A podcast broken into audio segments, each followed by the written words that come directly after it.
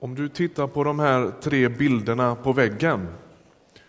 Det är bilden på John F Kennedy, det är Olof Palme och det är 11 september. Så det finns det några saker som är lite gemensamma för de här tre bilderna. Det ena är att det har med stora trauman och nationella trauman att göra. Det andra är att det här är sådana här typiska händelser där vi om du var med, en del är kanske lite för unga för att ha varit med när John F Kennedy mördades 1963. Men om du var med vid de här tillfällena och liksom när du kommer ihåg när du fick reda på det, så tror jag att du vet vart du var.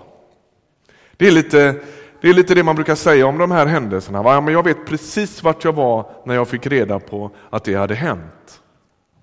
Det sätter sig liksom i hela vårt system. Vi minns liksom intryck och ja, alltihopa det där.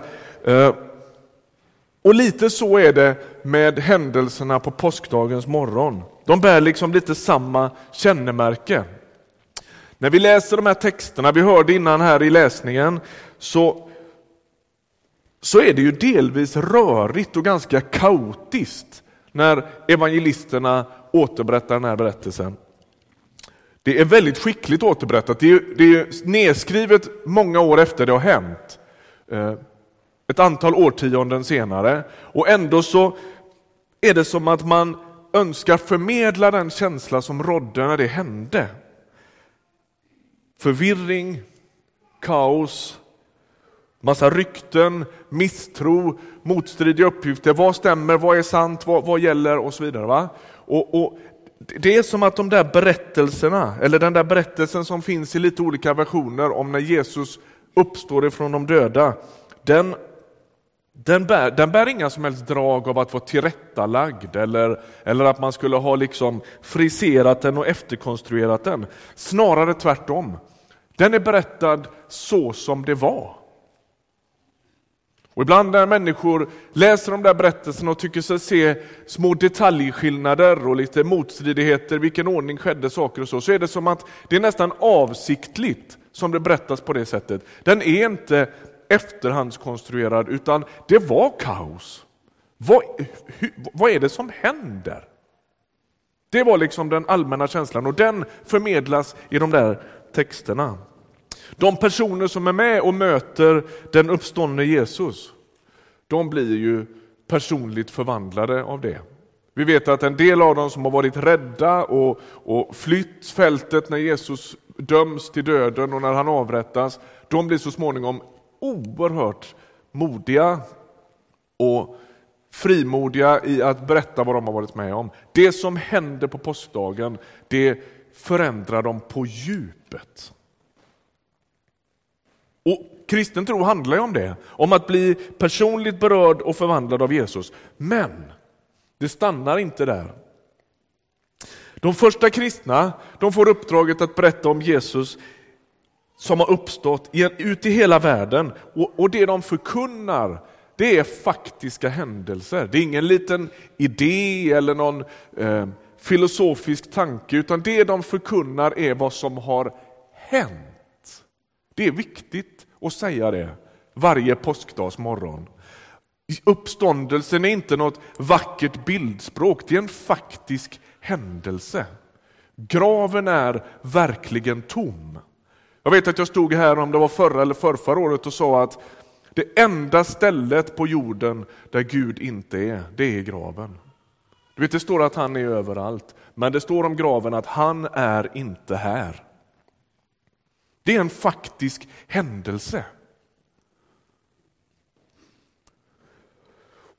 Och den där uppståndelsen, när den äger rum, då är det inte bara ett i raden av Jesu alla fantastiska mirakler. Man kan inte jämställa Jesu uppståndelse med när Lazarus blir uppväckt till exempel. Det går inte, det är två helt olika saker som händer. Det här betyder något helt annat. När Lazarus blir uppväckt så blir han uppväckt till att leva ett vanligt bristfälligt mänskligt liv igen. Men när Jesus uppstår, då händer något helt annat. Det är som om Gud river ett hål i historien. Och som att Ingenting kommer hädanefter att vara sig likt. Det kvinnorna och så småningom männen bevittnar, det är den händelse som förändrar hela tillvarons öde, hela framtiden, hela mänsklighetens öde, hela skapelsens öde. Där och då inleds något helt nytt. Frågan är då, vad är det som inleds? Och hur påverkar Jesu uppståndelse oss? Mer än att vi i gudstjänsten här slänger ballonger och ropar att Jesus är uppstånden. Vad, vad har det för faktisk betydelse att Jesus har uppstått? Vad betyder det för världen? Vad betyder det för oss 2012? Vi ska grunna lite stund på det och vi ska gå till Nya testamentets stora uppståndelsekapitel. Paulus han skriver i första Korintierbrevets femtonde kapitel en hel lång text om uppståndelsen. Vi ska läsa valda delar ur den. Bakgrunden är den här att mottagarna som bor i Korint, de är osäkra på hur det ligger till med det här med uppståndelsen. Vad betyder det egentligen? Och det som är problemet är ju att det verkar inte påverka folks förmåga att hålla sig vid liv. Alltså, om Jesus nu har sagt, om Paulus har kommit hit och predikat att Jesus har besegrat döden, vad kommer det sig då att det inte verkar synas? De har ju begravningar också i Korintförsamlingen. Och vi har det här. Vad betyder det egentligen att Jesus har besegrat döden? Vi går till första Korinthierbrevet och läser från vers 16. Och då, då är ryktet lite att det där med uppståndelsen kanske inte den, kan, det kanske inte finns, den kanske inte är på riktigt eller den kanske inte är fysisk. Den kanske inte är så konkret. Och Paulus han argumenterar så här. Ty om inga döda uppstår, då har heller inte Kristus uppstått.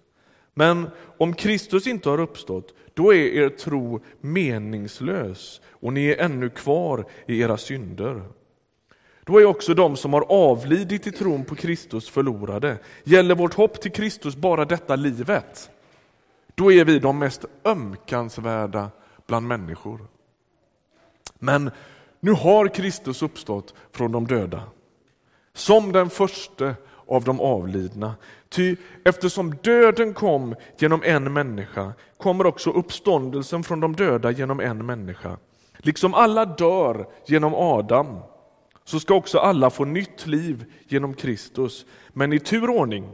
Först Kristus och därefter vid hans ankomst de som tillhör honom. När Jesus uppstår så betonar evangelierna att det här är en fysisk uppståndelse.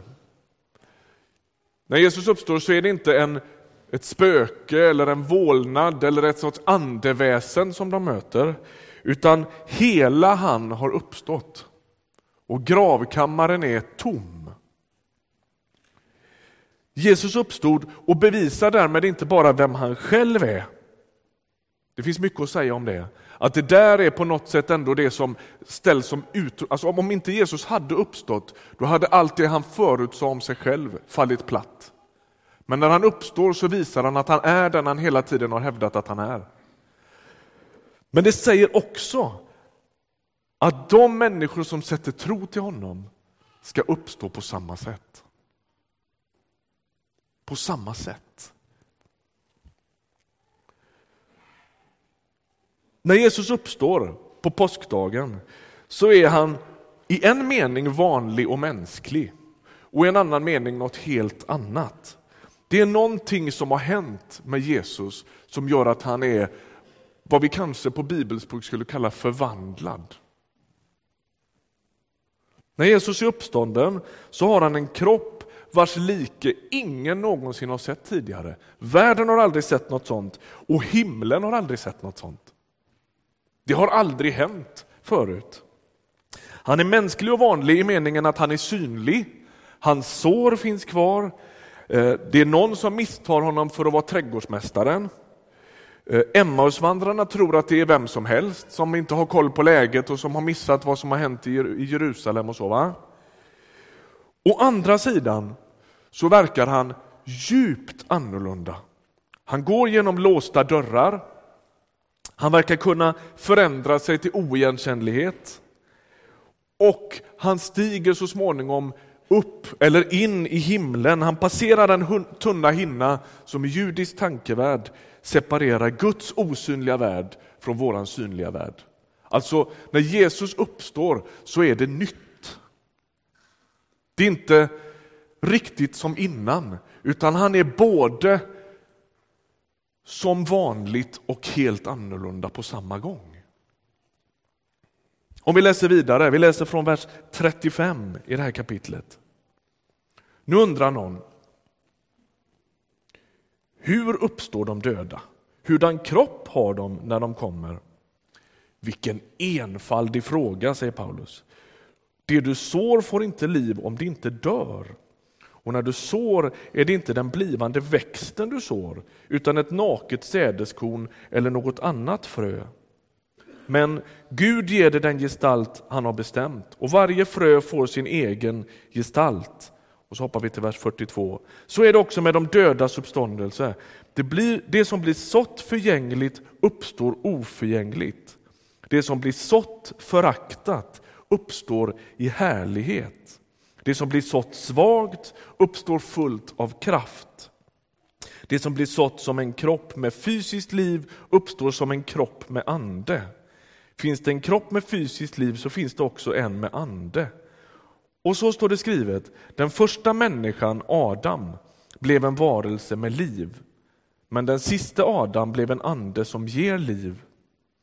Det andliga kommer alltså inte först, utan det fysiska, därefter kommer det andliga. Den första människan kom från jorden och var jord. Den andra människan kom från himlen. Så som den jordiska var, så är också de jordiska. Och som den himmelska är, så är de himmelska. Lyssna nu. Liksom vi blev en avbild av den jordiska, alltså vi är lika Adam, ska vi också bli en avbild av den himmelska. Vi ska bli lika Jesus. Paulus använder bilden av ett frö. Och så säger han att när vi människor dör så sås vår kropp som ett frö. Den faller i jorden och dör. Och så ska vi få en ny kropp, säger han.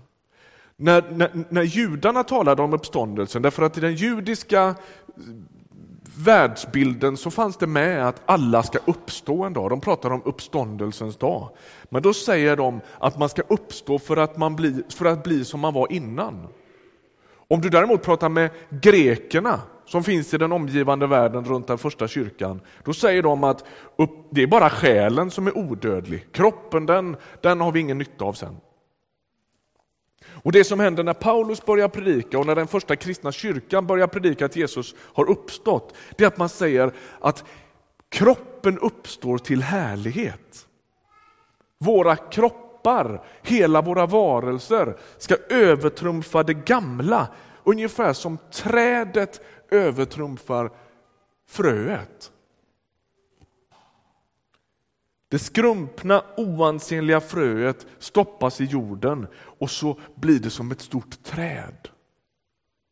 Och Då säger Paulus, det är en enfaldig fråga att tro att det ska bli som innan. Det är ungefär som om vi skulle knö ner en hel ek ute här i Tinnerölandskapet här va? för att vi ska få upp en ek. Nej, vi sår frön för att få upp träd. Och på det sättet så är uppståndelsen, den kodar om hela vår framtid. Och inte bara människans framtid, utan hela tillvarons framtid. Den urkristna kyrkan trodde med påskdagen i ryggen att Gud skulle göra för hela kosmos vad han på påskdagens morgon gjort med Jesus.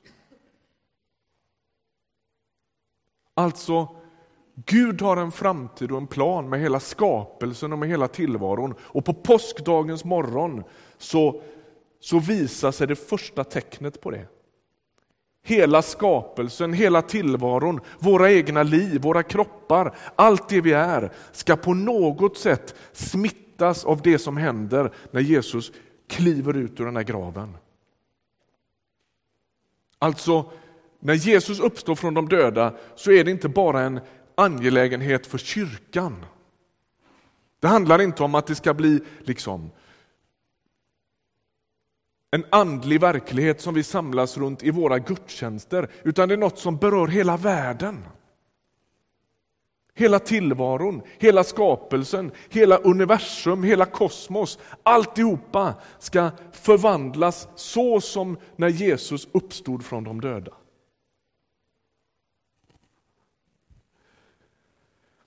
Därför är hoppet för en kristen inte bara någon sorts allmän optimism. Det ordnar sig, det blir säkert bättre. Det är inte så.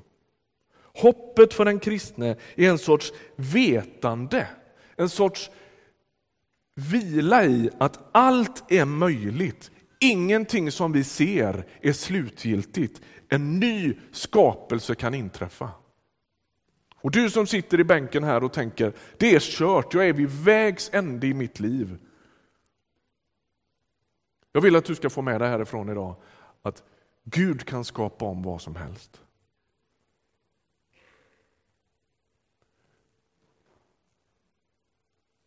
Jag vill att du ska få med dig det, som är så överväldigad av bekymmer eller ångest eller mörker i ditt liv. Påskdagen skickar en signal in i hela mänskligheten. Det är inte kört. Gud kan vända vilken djävulsk situation, vilket kompakt mörker som helst till ljus.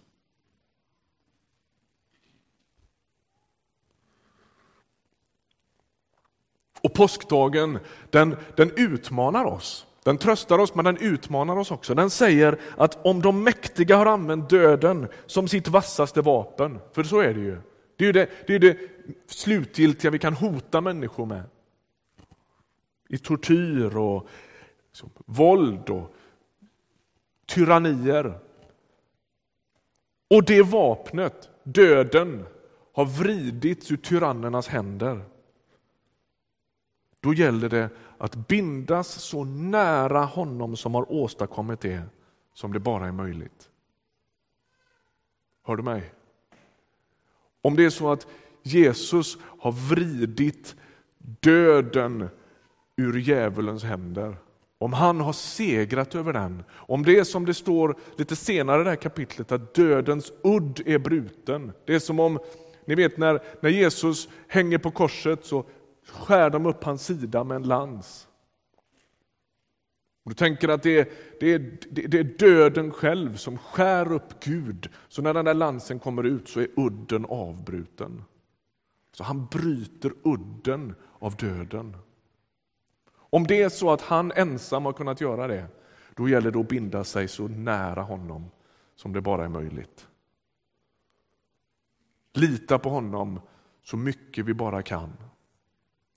Följa honom så nära vi bara kan. Lyda honom så mycket vi bara kan.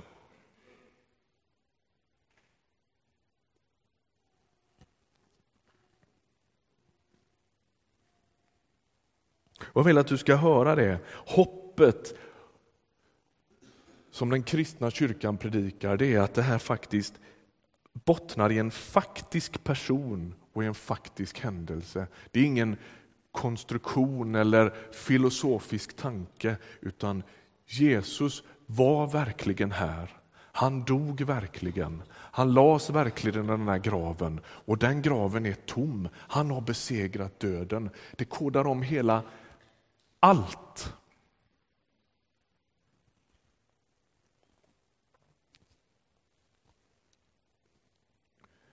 Och när Jesus uppstår, som Paulus säger här, då är det en garanti för att också vi ska uppstå med honom.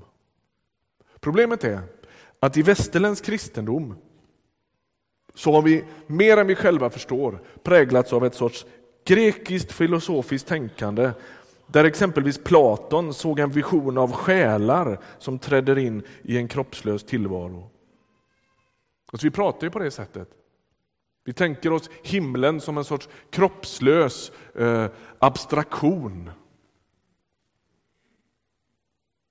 Men det står att Jesus har trätt in i himlen och han är inte en, någon sorts andevarelse eller någon sorts moln. Han är där med sin kropp. Och han kopplar den osynliga världen där Gud finns med den synliga världen där du och jag finns. Den kom, eller vad Paulus säger, den, kommande tid, den, den nuvarande tidsåldern med den kommande tidsåldern. Och att han har rört sig emellan där, det är en garanti för att så småningom ska det där smälta samman. Han ska upprätta allt. Och den uppståndne Jesus ska koda om hela tillvaron.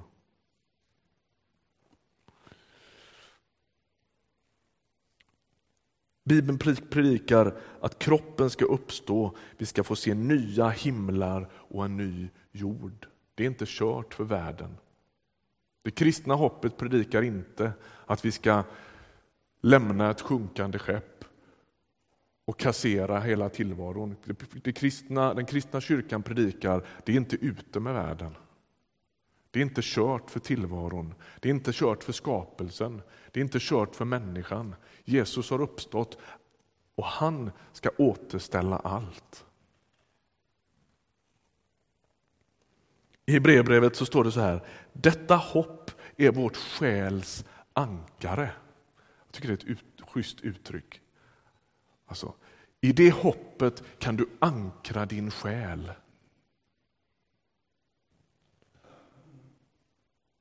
Jag vet att det finns en del båtmänniskor här inne. Alltså, när båten driver så kan, det, kan, det, kan den ta fruktansvärt mycket stryk. Va? Så den måste ankra ordentligt. Och när, när själen ankrar, då måste det ankra i något som är fast. Och då säger, då säger Hebreerbrevets författare att vi, vi ankrar våra själar i hoppet om att Jesus ska ställa allt till rätta. Vi ankrar våra själar i att Jesus har uppstått. Till avslutning, vad ska du göra med detta då? Å ena sidan tänker jag att vi bör vara nyktra i förhållande till den här världen. Den är hopplöst bristfällig. Och Den kristna kyrkan är inte utvecklingsoptimister som bara tror att allt stadigt ska bli bättre av sig självt. Det är inte så. Det är inte så att det ordnar sig på slutet bara av sig självt. Utan världen så som vi ser den måste vi förhålla oss nykter till. Makterna som vi förhåller oss till på olika sätt måste vi förhålla oss nykter till.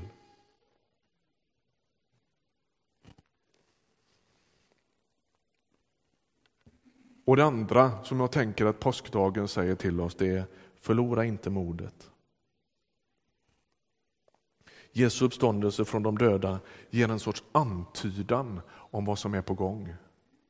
Paulus han säger att, att Jesus är förstlingsfrukten, alltså den här första frukten, första skörden som är liten i en mening, men som vittnar om att så småningom, så småningom så är alltihopa redo. Och han är den först, första skörden.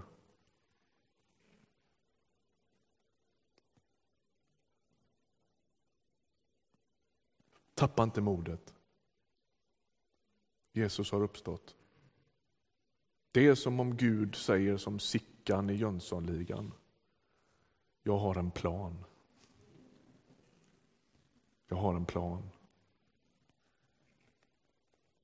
Kanske det är så att du behöver fästa om ditt ankare. Du kanske har försökt att sätta det i något annat för att själen ska få ro. Tänk om det är dags att liksom fästa det där det ska vara. Vårt hoppet är vår själs ankare. Kanske du aldrig har fäst ditt ankare i Jesus Kristus överhuvudtaget. Då är det läge att få göra det idag. Ska vi be? Tack för att du är uppstånden. Tack för att graven är tom. Tack för att hoppets stråle går igenom världen. Tack att du har besegrat döden, den slutliga fienden. Tack att du har en tanke och en plan med hela tillvaron. Och Herre, vi ber att få tro dig gott. Vi ber att få bindas vid dig. Vi ber att få lyda dig. Vi ber att få följa dig så nära som det bara går. Tack att du är segraren över döden. Jag ber särskilt för den som sitter här och känner att det är mycket mer långfredag i mitt liv än påskdag. Det är mörker och det är bekymmer och det är oro och det är återvändsgränd. Herre, jag ber om en strimma av ljus. Kom du den uppståndne Jesus och tala hopp och ljus in i våra liv. Amen.